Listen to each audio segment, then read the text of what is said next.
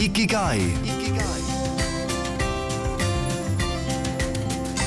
Ikigai november on meeste tervise kuu ja sel puhul on mul täna külas väga tervislik mees, kulturist, füsioterapeut, kahe lapse isa ja treener Siim Savisaar, tervist! tervitust! No kas sa tulid praegu ka trennist?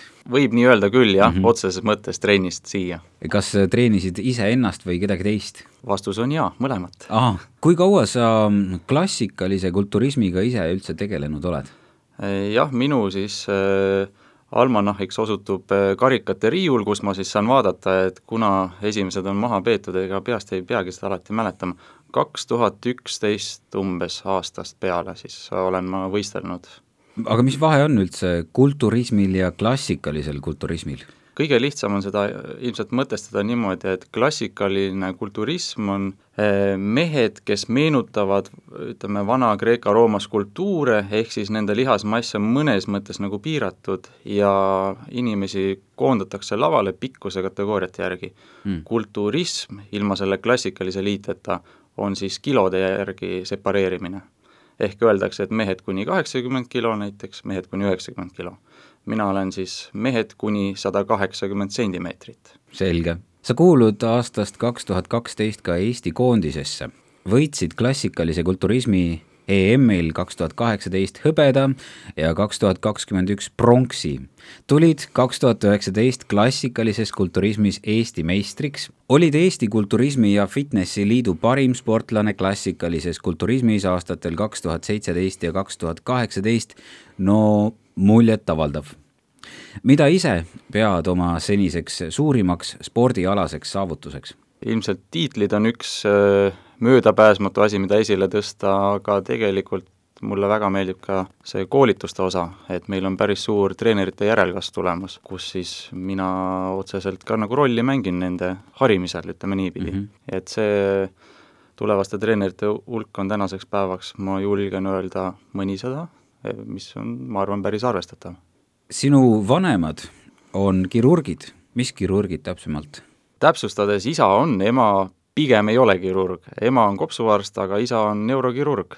aga sina oled treener, kas nad, mida nemad ütlesid, kui ütlesid, et ma, ma lähen nüüd hoopis trenni, ma ei hakka arstiks? noh, vaata, ma serveerisin nii, et mina hakkan nüüd rauaga opereerima ah. ei, tegelikult mul vanemad on igati alati soosinud, ükskõik mis otsus see ka oleks, et mm -hmm tõsi, on klassikaline arstide suguvõsa muidugi, ema on, isa on, vanaisa oli, vanaema oli, vana-vanaisa oli osakonna juhataja ja nii edasi mm. -hmm aga äh, ei, see on ikkagi jämedalt meditsiiniline valdkond või noh, ütleme füsioteraapia on, ja treener on ju ka töö inimeste ja inimeste kehadega, et selles mõttes nende poolt ühtegi noh, nagu vasturääkivust ei ole või, või halvaks panu, et tee seda, mis sulle rõõmu toob.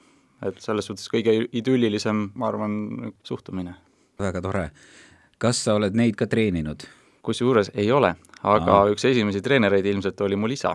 noh, see klassikaline, et lähen papsiga saali nii-öelda. aga tegelikult minu kõige esimene treening oli ilmselt äh, sündimata kujul äkki siis ema kõhus. ehk siis mu ema ja isa tegid äh, vanas Tartu Ülikooli tõstesaalis trenni. et see, seda võib nimetada mu esimeseks treeninguks mm. -hmm. mis koolides sa ise õppinud oled? Ütleme siis koolis käik oli Tartus Kivilinna gümnaasiumis, aga noh, kõrgem haridus oli Tartu Ülikoolis, siis äh, toonane kehakultuuri teaduskond, äh, aga nüüd on siis füsioteraapia liigutatud edasi arstiteaduskonna alla me räägime kohe juttu edasi, aga kuulame vahepeal ka muusikat. ma tean, et jõusaalides mängib kohati muusika isegi liiga valjusti. kuidas sul on, kas sulle see meeldib, kas sa ise kuulad treeningu taustaks muusikat? Mulle väga meeldib muusikasaatel trenni teha ja üldiselt ma kipun kuulama, kui vähegi võimalik, omaenda muusikat, ehk siis kõrvaklappidega. mõnes mõttes see saadab ka vähe niisuguse arrogantsema signaali teistele, et ole hea, ma praegu tegelen iseendaga, et ära nüüd tule küsima. aga noh, mul on muidugi alati see suhtumine, et julge hundi rindel rasvane, et kui mõni noor kutt tuleb ligi ja küsib, siis hea küll, võtame klapid peast ära, anname talle vastuse, et noh, mhm. viisakas on ikkagi vastata teisele, kui ta on juba julguse kokku võtnud, tulla -hmm. mind noh, segama, heas mõttes. aga nüüd üks soovilugu Eesti muusikast. võtaks siis niisuguse filosoofilisema, et Flame tee läbi enese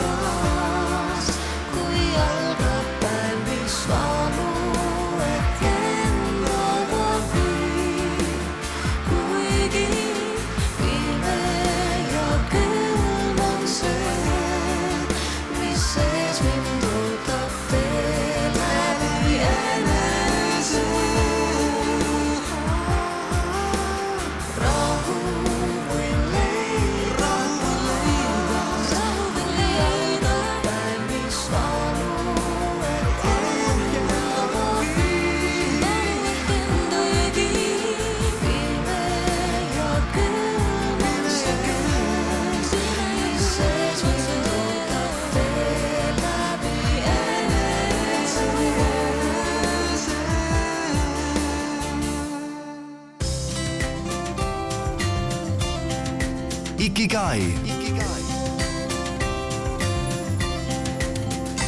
Ikigai Ikigai jätkab, mina olen Priit Rand ja saatekülaline on mul täna füsioterapeut Siim Savisaar.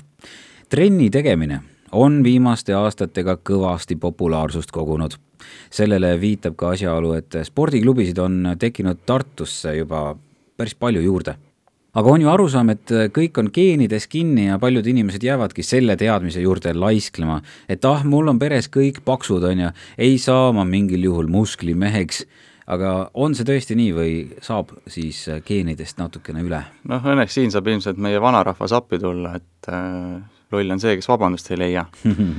et see kipub äh, paraku paika pidama. jah, meil saab igal pool noh, a la Synlabis teha geeniteste ja nii edasi äh,, ma arvan, see on jällegi mugav viis endale osta eurode eest äh, vabandus mm. -hmm. et näed, aga ju geenitest ka ütles, et mul on suhteliselt raske. noh, suhteliselt raske ei ole sama, mis võimatu et tegelikult on nii, et kõik saavad äh, nii-öelda oma vormi parandada. kas see siis äh, leiab aset köögis või kuskil treeningul. Üsna hea ilmekas näide selle alustamisega on võib-olla ka see uusaasta lubadused ja september ja see suvevorm. aeg on käes varsti, aasta algab jälle. aga mina praegu no selline neljakümne eel, mitte just kõige saledam mees, kas minust saaks veel kulturist? jah, defineeri kulturist, eks ole, kui on mehed kuni üheksakümmend kilo, siis sul on hea lootus, on ju, aga aga ei, saab küll, et noh, võib-olla sa tõid vanuse strateegiliselt siin välja, ma olen kuulnud ka kolmekümnendates meestelt seda, et ah, mis mina enam mm. -hmm. no see on tegelikult täiesti nonsenss või ajuvaba suhtumine ju, et et kuidas on võimalik, et kolmekümnendates mees või naine juba hakkab nagu ennast vaikselt äh, maha matma mm. -hmm. et juba kühvel on valmis otsitud ja siis ai, need jupid on juba mul kehas läbi ja kulunud ja, ja kehakaal on nii ja naa. ei, alati saab. ja kui on vaja nii-öelda motivatsiooni, siis võib öelda, et meil tuleb järjest enam uuringuid, mis näitavad, et järjest vanemas eas on äh, võimalik oma füüsist edendada, et isegi mitte säilitada, hoida, vaid ka paremuse poole veel ajada. näiteks kuuekümnendates on veel täiesti edukas lihase massi kasvatamine, ilmselgelt ei tasu arvata, et nüüd kulturisti sellest vorbib, aga olulist äh, jõunäitajate edasiminekut, mis on ju väga praktiline argielu seisukohast, ja ka välimuse nii-öelda siis toniseerimist mm, -hmm. olgu see siis positiivseks noodiks meestele või naistele nii et äh, aitäh, väga hea, see kõik on äh, võimalik. aga sa oled ka aastaid puuetega trennihuvilisi juhendanud ja Eesti Liikumispuudega Inimeste Liit andis sulle lausa tiitli aasta treener kaks tuhat kuusteist olen isegi sinu treenitavaid jõusaalis näinud ja tundub, et motivatsiooni neil jätkub. no mida sa peamiselt äh, inimeste veenmiseks räägid, kuidas treenijat üldse motiveerida saab? Tundub nii, et minu juurde jõuavad juba eelnevalt pisut motiveeritud inimesed. miks muidu otsida treener ülesse? jõusaalis äh, saab kõrvutada numbreid, näed, et eelmine kuu liikus sul näiteks viieteistkilone kang, nüüd liigub kahekümnekilone kang. jõudsid seda teha kümme kordust, nüüd täna jõudsid neliteist kordust teha, et äh, inimesele meeldivad niisugused äh, numbrimaagiad, et äh, mis iganes number on nüüd positiivses suunas edenenud, see on üsna lihtne pinnas, millelt motivatsiooni ammutada. pisut keerulisem on võib-olla no ütleme siis äh, kehakaalus kinni oleva noh, mis seal salata, naisterahvaga, et äh, kes mõõdab ainult oma progressi kehakaalus nii-öelda, selle maagilise numbri pealt. Nendele on mul siis selline võib-olla motivatsioonikõne, et äh, tõsi, võib-olla olid, ütleme siis fiktiivne number seitsekümmend kilo, ja endiselt oled seitsekümmend kilo. Nemad arvavad, et näed, et kuskile suunda ei ole liikunud, aga su kehas on nüüd pisut vähem rasva, aga natukene rohkem lihast. ja nu-, number ikkagi on summa summarum seitsekümmend, aga lihtsalt äh, kvaliteedi muutus pinna all on toimunud. et seda ei tasu ka ära unustada sa treenid ka mitmeid tublisid erivajadustega sportlasi ja isegi paraolümpialasi. tõsi, Jelena Piper näiteks, et äh, kellega kunagi sai alustatud, on päris tublisti käinud erinevatel võistlustel äh, siis äh, võistlemas äh, rinnalt surumises näiteks. ma ikkagi olen temaga kirjavahetuses, et kuidas tal edeneb nii ja naa, aga meil on distants ka vahel, treeningruumides kohapeal on tal tõstmist abistav treener olemas ja mina siis saan pisut nõu anda, kui vaja on mingi asjaga muidugi, mida võiks tema puhul välja tuua, on niisugune erakordne teo- ja töötahe, et, et sellest saab ikkagi kõik alguse et kas sul on mingid eeldused või ei ole mingeid eeldusi, see kõik kahvatub järjepidevuse taga nii-öelda või all. kui me räägime nii-öelda liikumispuuetega inimestest, siis see on tõesti päris huvitav kontingent ja nendega ma olen päris palju tööd teinud, neid on ka natuke seinast seina, et kellel on üks, kellel teine takistus, olgu see näiteks vaegnägija või, või ratastoolis olev meesterahvas, et igaühega tuleb siis oma lähenemine leida ja õnneks seal tulebki appi minu siis füsioteraapia taust. aga nad on äh, üllatavalt meeldiv kontingent, keda, keda treenida ja, ja väga nagu tänulikud selle eest ja neid jõuab järjest rohkem jõusaalidesse, mis minu arust on ju tervitatav nähtus, et inimesed ei peaks kuidagi häbenema ennast kodus, vaid julgelt äh, tulge kohale ja hakake hagu andma. Ma olen ka niimoodi trenni andnud näiteks, et äh, juhtkoer on kõrval, et see oli ka päris vahva kogemus. Mm. -hmm aga kõikidele teistele pakkus see palju rõõmu ja näiteks administraator käis vahepeal koeraga jalutamas, nii et tervel majal oli nagu suur elevus sees. Nii et kõik on võimalik, asi on vaid tahtmises ja, ja tahtmist tasuks kasvatada, sest mina võin enda pealt öelda, et mõnus on pärast trenni ja eks kõik trennitegijad seda ju äh, kinnitavad, et just see on tähtis, mis tunne sul pärast on, et kui hea tegelikult hakkab. sa töötasid ise ka pikalt haiglas, mida seal tegid? jaa, haiglas tegelikult äh, päris palju aastaid töötatud ja igasuguseid patsiente nähtud. mulle see võib-olla selle haiglatöö juures kõige rohkem äh, meeldiski, et äh, inimesi oli seinast seina, et meil oli siis taastusraviosakond, mis tähendaski seda, et me tegelesime kõiksuguste diagnoosidega ja muredega. kippus olema, et jõusaali huvilisi saadeti mulle pisut rohkem. aga mm, meil oli ka neuroloogilisi muresid, et selle osakonna võlu oligi selles, et äh, seinast seina oli meil siis äh, taastamist, et ei olnud nii, et näiteks ainult põlved või neuroloogia, mõnes mõttes meil oli siis osakonnasisene spetsialiseerumine, et see diagnoos rohkem sellele töötajale ja teine diagnoos siis teisele töötajale. ja mis seal salata, ega tegelikult pensionärid olid ka väga tore kontingent. üks asi oli need jutud, mida enam kuskilt ei saa võib-olla lugeda või kuulda, et see tegi selle lihtsalt, selle teraapia läbiviimise selgelt põnevaks. aga nad on ka tegelikult tänulikud, mitte et teised ei oleks, aga noh, see on natuke võib-olla teistmoodi tänulikkus lihtsalt, et kui sa saad olla üksikule inimesele nagu seal teraapia läbi viiakse, et nad kipuvad natuke teistmoodi seda hindama.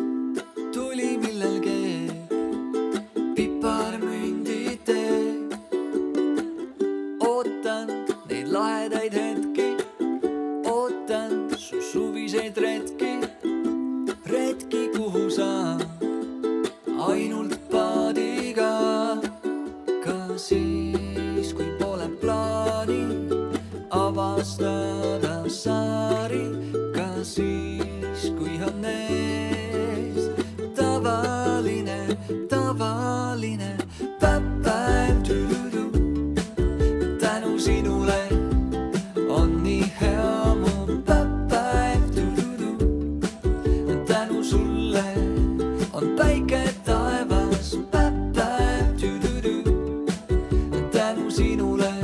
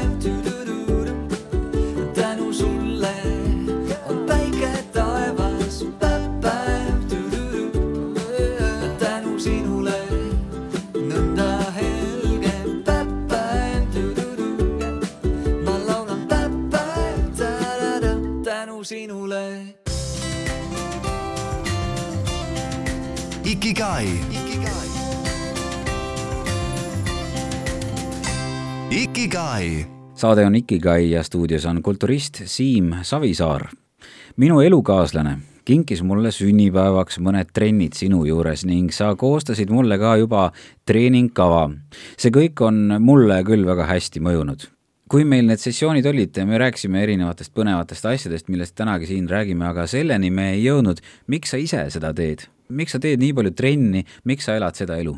ma julgeks väita, et see on minu jaoks natuke elustiil, kunstistiil ja niisugune filosoofiline lähenemine. võib tunduda küll, et äh, spordipoisid olid saalis, kui mõistust jagati või midagi sellist, aga mulle tegelikult meeldib selline kunstiline keha arendamine. võrdlemisi tuttav nimi Arnold Schwarzenegger võrdles ka keha kui kunstiteost, mitte kui niisugust lihatükki. ja siis äh, tema lähenemine oli midagi sarnast, nagu ma ise olen mõneti praktiseerinud, et vaatad peeglist, et äh, ahah, et näed, seal kujul on näiteks sinna natukene juurde vaja massi, et noh, siis paneme törtsu sinna ja vaatad, ahah, sinna võiks ka natuke savi juurde panna, et no paneme sinna reie peale näiteks seda juurde. et see on niisugune nagu igikestev töö parema skulptuuri ehitamiseks. tema nimetas ka seda staatuse sümboliks, et keha ei saa osta, keha ei saa rentida, keha on vaja ise oma higi ja vaevaga valmis nii-öelda mäkerdada. ja noh, selle asemel, et äh, võib-olla molberti ja saviga või mingite muude vahenditega, siis meil on pintsli asemel hantel või Mhm. kang ja mulle meeldib, nagu sa isegi tõdesid, see tunne, mis on peale treeningut, treening peab olema võrdlemisi raske, sest siis keha kohaneb sellega, sest muidu ta ju teeb igapäevast rutiini. selline pidev kohanemine, pidev progress, see on see, mis mulle meeldib. et seetõttu ma ka mingeid metsikuid pause treeningutest ei tee, sest et kui sa teed seda, mis sulle meeldib, siis miks sa peaksid vahele jätma? hea mõte. sind kutsutakse ka saali siimuks see on arusaadav, sest sa oled sõbralik ja asjalik mees ja veedad palju aega saalis. aga kui palju jõusaalis omavahel üldse suheldakse, kas sealt on üldse lihtne sõpru leida? just eile oli mul näiteks selline olukord, kus ma andsin äh, ühele inimesele trenni ja siis ta nentis ka, et ahah, et sa oled siis nagu mingi autoriteet, et käid ja teretad kõiki.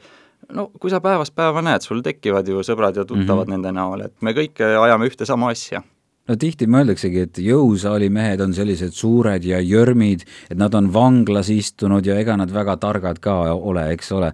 no mina näen, et trennis käivad täiesti erinevad inimesed, väga peenikesed, pikad mehed, naised. jah, siia nimekirja võiks lisada noored, vanad, paksud, peenikesed tõesti, et kõiksugused, rikkad ja vaesed ka, eks ole. Jõusaal on ikkagi läbilõige ühiskonnast, et seal on peaaegu kõiksugused segmendid esindatud, et teatud kellaaegadel on võib-olla mingid tendentsid, noh, näiteks kes saab käia hommikul või lõunal, oma aja peremees pigem ja ka töötu, eks ole mm. -hmm. et selles mõttes sa näed igasuguseid huvitavaid inimesi või masinaid maja ees parkimas.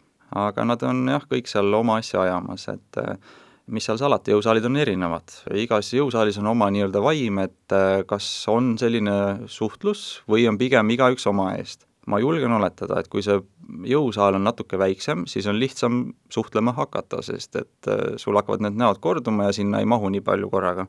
teisipidi, kui sul on võib-olla niisugune suur saal, kus on sada või üle selle mahub, äkki siis seal tekib vähem niisuguseid suhtlusi, sest sul on selline efekt nagu kümnekordses, üheksakordses elamus, et sa ei hakka igat naabrit enam pähe õppima. aga kui sul on ridakas, siis sa ilmselt tead, kes sust vasakul elab ja kes sust paremal pool elab. niisiis, kõik võivad käia jõusaalis, veel üks jõusaali hirm on tegelikult vigastused. no inimesed vaatavad, et nii raske kangi alla küll ei tahaks jääda ja kindlasti pärast hästi rasket trenni ei saa nädal aega istuda ega astuda jah, korda läinud jalatrenn on ilmselt selline, kus paar päeva peale treeningutki tunned veel, et midagi on tehtud nende kandjatega. vigastustega õnneks kipub olema niimoodi, et algajatel esineb neid pigem vähem ja nad hakkavad ikkagi kummitama neid, kellel on staaži juba rohkem. mis liigub, see kulub, see kehtib kõigi kohta, aga jõusaalis on vigastusi, kuid neid ei ole nii palju. aga õnneks algajat kaitseb see, et tal ei ole lihtsalt nii palju jõudu.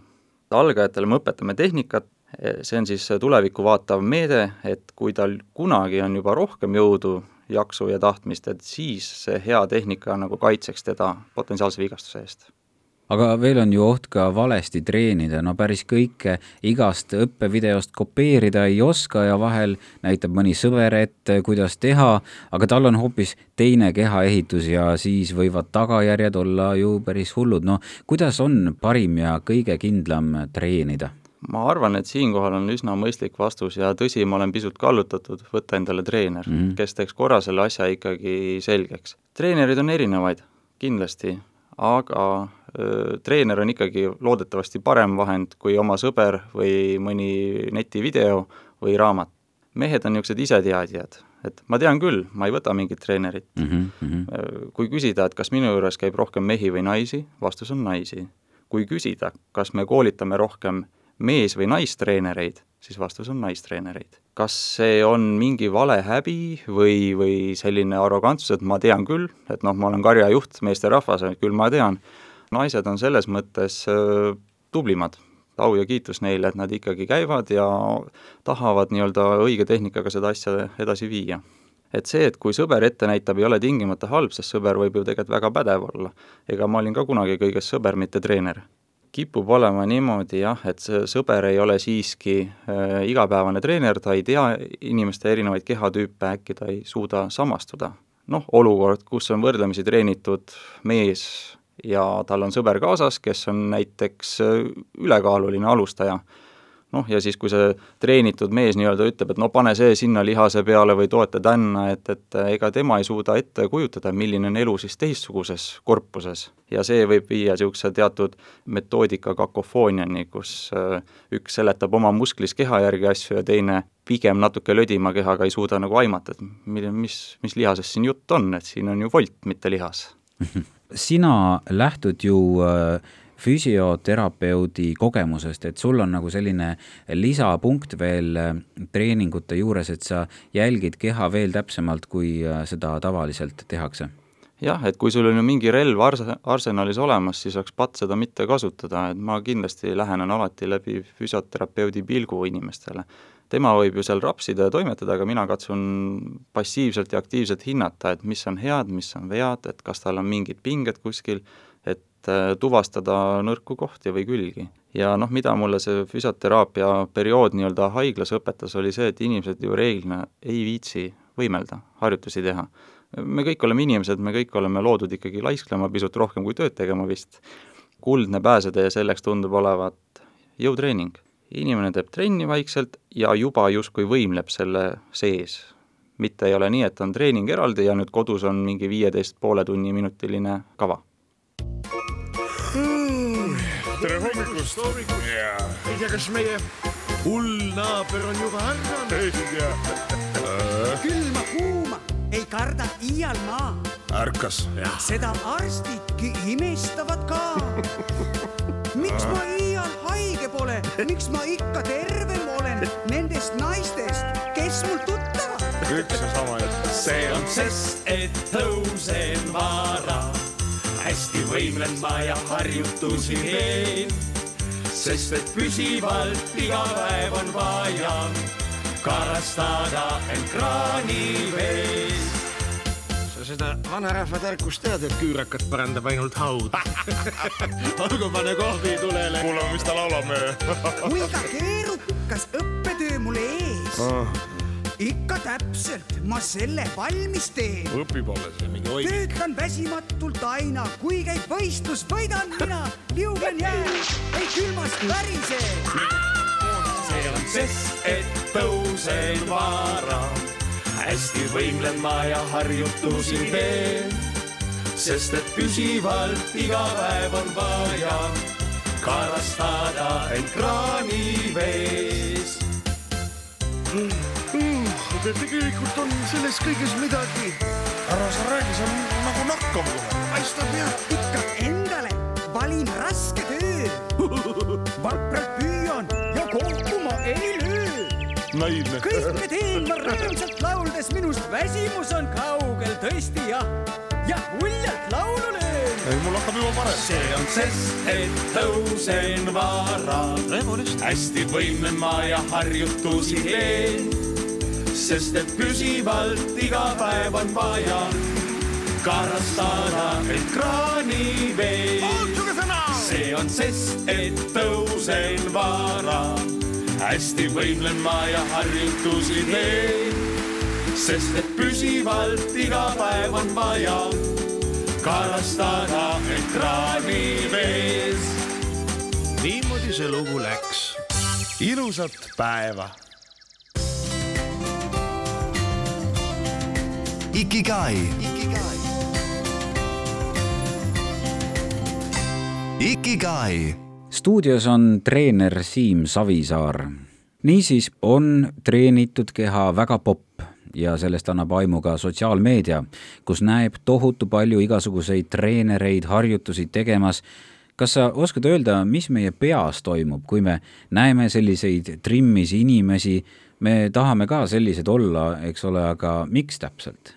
ilmselt on asi nii, et meile meeldivad äh, asjad, mis on pisut kättesaadamatud, et äh, kui me kõik kõnniks äh, trimmis kõhulihastega ringi, siis me ilmselt vaataks mingisuguse muu asja poole. aga kuna meil tüüpiline maksevahend tänavatel on pigem treenimata kõhulihas, siis me vaatame imetlusega neid six-pack'e. Et äh, ilmselt see on inimloomuse osa jah, et äh, selle ühe protsendi poole nagu pilgud heita. Sotsiaalmeedia on teinud siin teenet ja karuteenet kindlasti karuteene on võib-olla see, et paljud nendest kehadest on ju moonutatud, selles mõttes, et professionaalne kaameratöö, võib-olla keelatud ained, ilmselt niisugused parimad pildid ikkagi sadadest ja sadadest välja valitud ja nii edasi, ehk siis pisut ebareaalsena võib-olla serveeritud meile.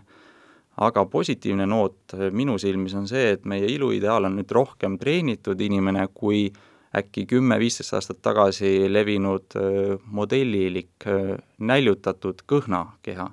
et mina igal juhul tervitan inimesi, kes siis on üritanud oma keha eest positiivset hoolt kanda läbi siis trenni. aga kui tulla trennide juurde, siis milline on olnud kõige hullem ja jaburam soov, millega sinu poole pöördutud on? Võib-olla mõni on selline, kes äh, on võrdlemisi viisakas ülekaalus ja siis tahab a la nüüd äh, naiste kategooria kinni panna või meeste kategoorias kuskil kohe võitu saada, et et ütleme lihtsalt niisugused ebarealistlikku tähelendu ootavad inimesed. võrdlemisi levinud ongi see, et äh, tere, ma tahaks võistelda võistlemine on tore, aga see peaks olema, ütleme, viimane paragrahv sinu raamatus või peatükk, et tegelikult põhiosa sinu raamatust peaks moodustama see, et tere, ma tahaks treeningut teha või trenni teha. kui sulle trennida meeldib ja see hakkab hästi tulema, noh siis võib ju võistlema minna. ja noh, muidugi küllalt levinud naiste seas on ka see, et tere, tahaks trenni, aga ma suuri lihaseid ei taha noh, rahustuseks ma võin öelda, et mitte ükski naine, kes on niimoodi tulnud, ei ole kunagi saavutanudki mingit erilist lihasmassi. see on natuke see, et tere, ma tahaks rallit sõita, aga mul on käsipidur juba peal mm. -hmm. et kui sa tuled ja serveerid jah, et ma tahaks küll teha, aga ma eriti ei taha teha, noh siis, siis me ei saagi midagi ilmselt saavutada. tuleb mõelda sellele, et jõusaalis ümberringi iga treenija, keda sa näed, üritab olla nii suur ja võimas kui üldse võimalik ja seejuures on kõigest nii väike, nagu ta on. tegelikult lihased ei kasva puu otsas endiselt. aga milliste mõtetega sundida end trenni minema, kui väljas on halb ilm ja kell on palju ja kõht on juba tühi, ehk siis kui laiskus peal või, või mugavus kimbutab?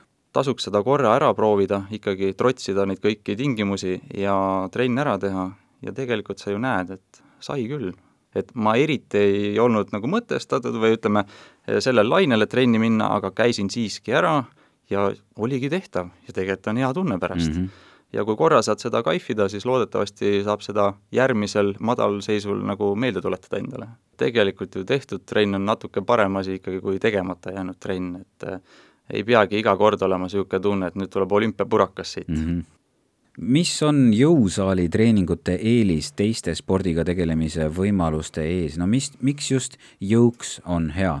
teeme nii, et vastab äh, füsioterapeut Siim. tervise Arengu Instituut ja ütleme, kõik need muud tervis, terviseorganisatsioonid äh, üritavad ju inimesi liikuma saada. Ameerika näitel on natukene rohkem liigutud eemale sellest kõndimise soovitusest, et käige N arv või N minuteid kõndimas ja on tugevalt liikunud sinnapoole see soovitus, et äh, tehke raskustega trenni. ja raskustega trenni on ilmselt jõusaalis võrdlemisi lihtne teha. mujal saab ka, ega ma ei tõstaks ainult jõusaali aktsiaid esile, aga see on kõige praktilisem, et rahvastik vananeb, see on fakt. ja vananemisega kaasneb ju niisugune kehva asi nagu jõulangus, noh, lihasmassi langus, jõulangus. kuigi kõnd on väga tore, siis kõnd ei kipu sul poekotti kergemaks tegema kõndimine ei tee sul ka eriti trepis käimist väga palju kergemaks, küll aga suudab seda teha jõusaal. et jõusaal ongi niisugune universaalne meede siis natukene pidurdada vananemisega toimuvat. Ja kui sa ütled, et aga ma olen kakskümmend viis, mis mul sellest vananemisest, hea küll, siis ta suudab sind võib-olla eh, atraktiivsemaks muuta siis vastaspoole ees või, või kodus eh, lihtsamini toimetada siinkohal jah, ma ütleks, et jõusaal on suhteliselt hea meede oma üleüldist äh, tervist ja keha nagu edendada. sul on ka päris palju tublisid äh, õpilasi, kes äh, on neist kõige tublim hetkel? siin ma kindlasti teen number kahele ja number kolmele liiga nii-öelda no,, et kui teha, sa küsid, kes see üks on. nii, võtame siis selle aasta võib-olla ette, et siis kõige tublimaks ilmselt tiitlite järgi on osutunud Andri Kõre et äh, see oli siis äh, noor ja andekas kutt, noh, ütleme, mis ta oli, on, kes äh, käis kevadel võistlemas ja saavutas siis hõbeda oma kategoorias. kõige esimene võistlus üldse, kus mm. poiss läks, oli Euroopa meistrivõistlus oh.. nii et noh, kerge proov, et kuidas see asi siis ka käib ja hopsti on mul nüüd hõbe kaelas, eks ole. nii et ma arvan, et üks fantastiline tähelend. Ja ma loodan, et äh, meil läheb see asi ka tuleval aastal korda, et tähed on reas ja et äh, kui ei tule ka selline medal, noh, mis seal ikka, siis meie üritame sada protsenti panustada. ja ma arvan, see on alati kõige põhilisem, et endast kõik anda, et see, mis see koht on, noh, see on lihtsalt koht. palju sul praegu treenitavaid on, selliseid, kes võistlevad ka? ma arvan, et me saame siis, kui me, kui me piirame võistlejatega, siis me saame kahe käe peal need ära lugeda. Sa, Siim, oled saavutanud juba päris palju ja lisaks on sul kaks toredat last. kas sul on veel suuri unistusi, no kas midagi on veel suurt silme ees? Äh, mõtteid ikka on, et midagi tahaks veel äh, teha ja saavutada, aga äh, ilmselt välja öelda midagi suurepärast ei ole mul kindlasti noh, lastele hea isa olla, treenitavatele hea treener olla, et, et need on niisugused äh, ilusad äh, eesmärgid, ma loodan. aga noh, kui sa küsiksid, et kas ma kirjutan praegu mingit raamatut või disainin mingit toodet, siis äh, ei, hetkel käsil ei ole, aga mõned mõtted teatud valdkondades on. maadlejad ütlevad, et matil näeme, aga mida kulturistid soovivad? saalis näeme no suur tänu, Siim Savisaar, et külla tulid, jõudu, jaksu ja saalis näeme! teeme nii, kõike head, saalis näeme!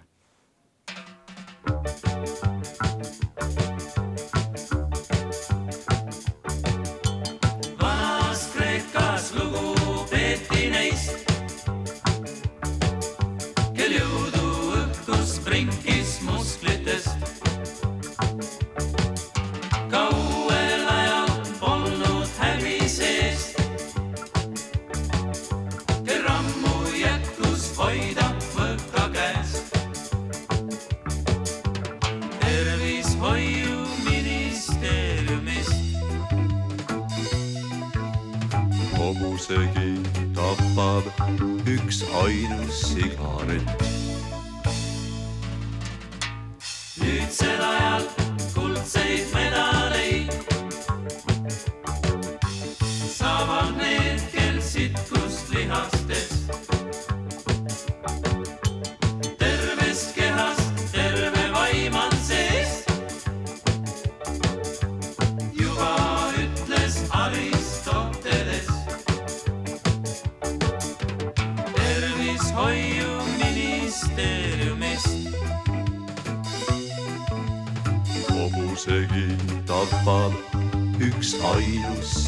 오늘